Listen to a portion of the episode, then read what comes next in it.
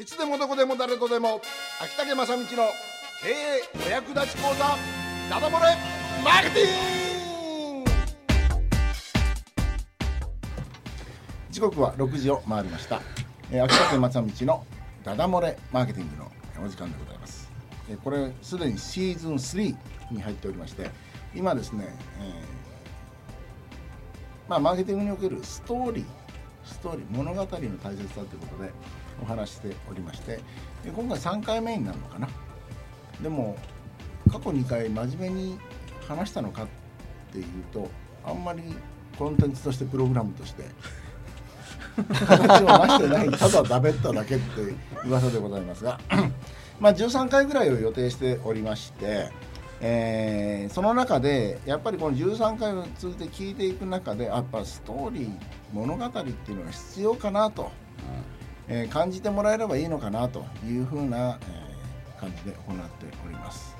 今日お手元にあお手元にお手元は皆さんのお手元みたいなね。私の手元にありますのはあの成功者は皆ストーリーを語ったというですね。ピーター・グーバーという方の書いた本がありましてえこの方はですねあれなんですよ。あのハリウッドの映画プロデューサーとして、えー要するには、えーストーリーテリング。ハリウッドっていうのの映画っていうのはやっぱり困難があって葛藤があって解決があってというような、えー主人公がそういうふうなこの学んでいく過程を表すんですけど120分間でだいたい120コマ。大体1分で1コマかな。120シーンなのかな。それをきれいにこう、えー初めから終わりまで クライマックスがあったりそれから伏線があったり、えーそれから最初の危機が訪れたりそれから生還したりっていうのを組み合わせていってやるんですけど、えーその映画のプロデュースハリウッドの映画のプロデューサーというこのピーター・グーバーさん。でこの本は何て書いてるかと言いますと何を書いてるかというとつまりいろんな映画を作ろうとした時にやっぱ資金が億単位で必要になりますよね。その時にいろんなスポンサーを落としていかなきゃいけないわけです。で その彼が本来これ売れなければ相当な損害じゃないですか。ですね。だから最初からやりますやりますなんていう人がそもそもいない。でしかもこれはこの題材はいいと思ってやりますって言ったけどそのこのピーターさんの思ってたものとは違うものができていく過程で進んでいくことがあるわけじゃないですか。それをいかに説得するか。という時に彼はストーリーというものを語った。要するにこうのこのこと、えーなんなんとかカンパニーにこう,、えーこういう映画を作りたいんだけどもぜひぜひ一緒になってやってもらえませんか？って要するに出資してくれって話ですよね。でその時にはこの相手にはどんなストーリーがいいのかっていうことで、えー物語を語りそしてその物語の中に自分の言いたいことを込める。そうするとお金出してくださいって言っても ダメなところがそんなことなら俺も一肌脱ごう。ってそういう戦略的ストーリーテリング。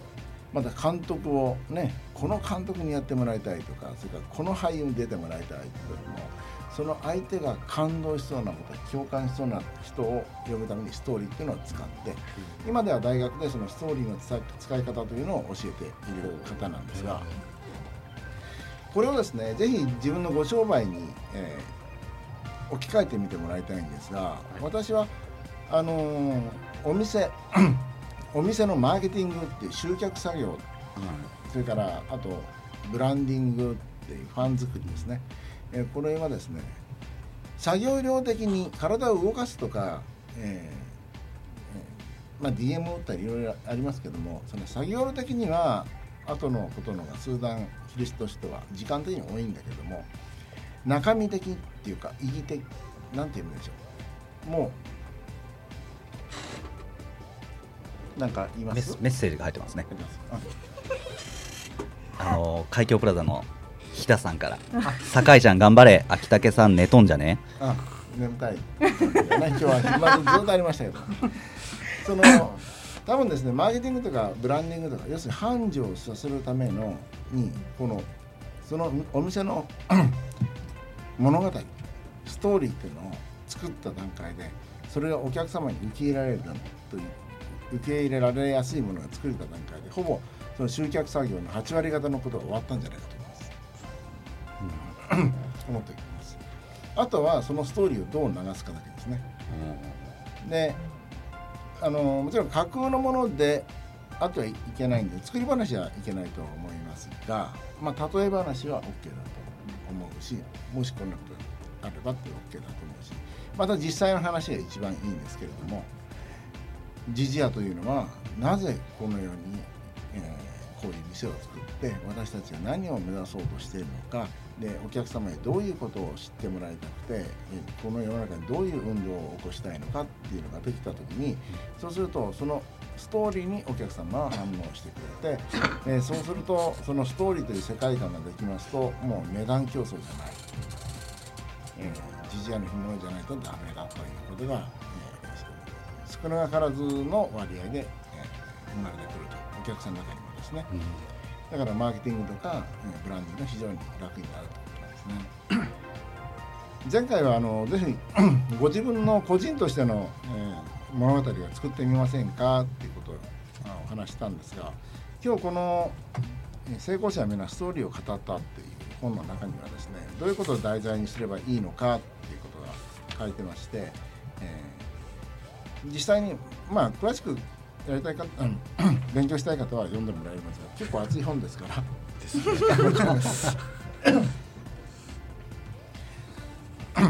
えーまあかあー語り手とかき要するに、えー要するに語る私自身がストあ主人公だ、それからえストーリーの中に主人公というのが必要なんですよね。で主人公というのはそれを成長していくわけですあの映画でもそうなんですよ、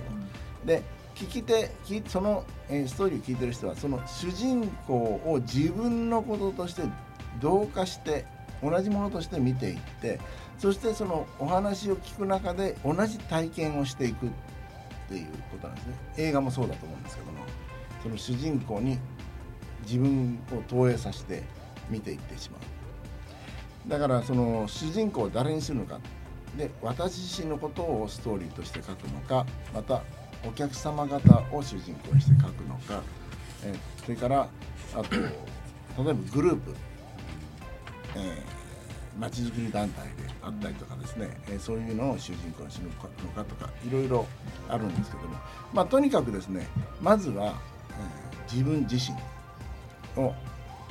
店とかよりも自分自身を主人公にして今なぜこの仕事をしているのかっていうストーリーを、えー書き上げることが一番近道ではないかと思っております。というような、まあ、堅苦しい話はそのぐらいにしまして 前回も結構人あのこれ結構あの面白いって言ってくれた方が多かったんで漫才入門受ける笑いの作り方全部教えますって元祖爆笑王という方が書いたですねあ編編えー編集されたですね、えー専門学校東京アナウンス学院が協力して出した本があるんですが前回ボケでですね19通りのボケっていうのをご紹介したんです。あボケって19通りもあるよね。ね19通り。19通りあるんですよいろいろ顔ボケとかながらボケとかですね透かしボケとか顔し 下ネタ過剰ボケ自虐ボケ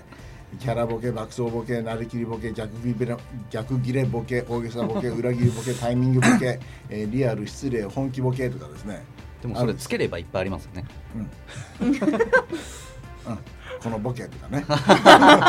とにかくボケでつけばあるんかなって。いうでこれだけあるのは実は19個組み合わせて漫才を作るらしいんですが、じゃあツッコミにツッコミにも種類があると、うん。まあ商売のえ極意というか商売の集客の極意はやっぱりこの一言に集約されると思うんですが「なんでやねん」なんでやねん。そのこう歩きよってね、はい。なんかこう物が売ってるとするじゃないですか、えで仮にそのや値段の問題で安いのがこうあななあると思って値段見たら100円とかなんでやねんって。このギャップがこのなんか興味を生んでうん。それぞれ逆にですよ。うん。本来100円ぐらいせんでやろうと思うものがいきなりとかで1200円で買い取ったら「え？なんでやねん!」って話やあまあまあお驚きっていうことですかそねう。ギャップなんですよ。驚きなサプライズであったりそれから、えー、と認知的不協和うんっていうんですけど自分は良かれと思っうんた、ごめんなさい、えーとこういうもんだと思ってうん。認知してるところにいきなり不協和、うん。違うものがポンって提示されるっていう。だ人はそれを認知的不協和が出てきたら起こった時に解消したがるんです、うん。無意識のうちに。でなんでやねんって、ね、なんでなんでなんでこんな高いのって解消したがるんですよ。それと、えー嫁さんのために良かれと思ってやってきたことが嫁が「そんなんいらんわせわよ」って言ったら そこに認知的不協和が生まれるわけでそれを解消しようと思って旦那はうん。あの取ってつけた理由理屈へ理屈を言い出すの。わかる？わかります。もう何でもいいですよへ理屈 そんなんだってお前これこうこうやんじゃろかって人ってそういうのがあります。認知的不協和、えー要するになんでやねんっていうのが、えー生まれた時にそのギャップを解消しようと思うんですね。だから物事を聞いたり、えーそれから漫才であったらそのもっと入り込んでしまったりっていうことがあるわけですけどもそのそういうことです。でツッコミがねなんと11通りあるんですよ。えボケの方が多いんですか？ボケの方がいい。ボケのうんボケの方がいい。でツッコミってえーっと普通よくあるツッコミってなんかね。なんでやねん。なんでなんでやねん。なんでやねんでしょ？でそのツッコミがですね今日はツッコミをですね紹介したくて。で素人さんほどそのなんでやねんばっかりになっちゃうわけ、同じことばっかりになっちゃうんですけどそれプロの方っていうのはこれはツッコミがまた非常に上手に突っ込んでくるということでまず否定、うん、なんでだよみたいなツッコミ基本ですね。相手のボケに対してすぐにツッコミがなんで違いが分からなかった。なんでやなんでやねん。違うね。違う次どつき。あー。こうやって、うん。頭ポンってたね、うん。やったりしますけども。乗りツッコミ一回相手のボケに乗ってからツッコミを入れる、そうやなそうやなってんじゃないだろう。みたいな話ですね。え例えツッコミ、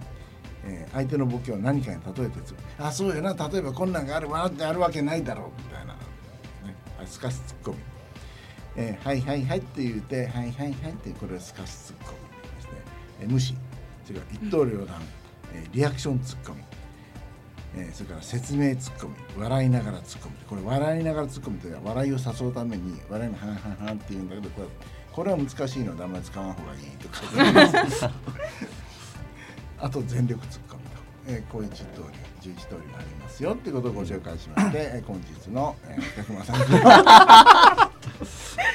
それこそここでなんでやねん。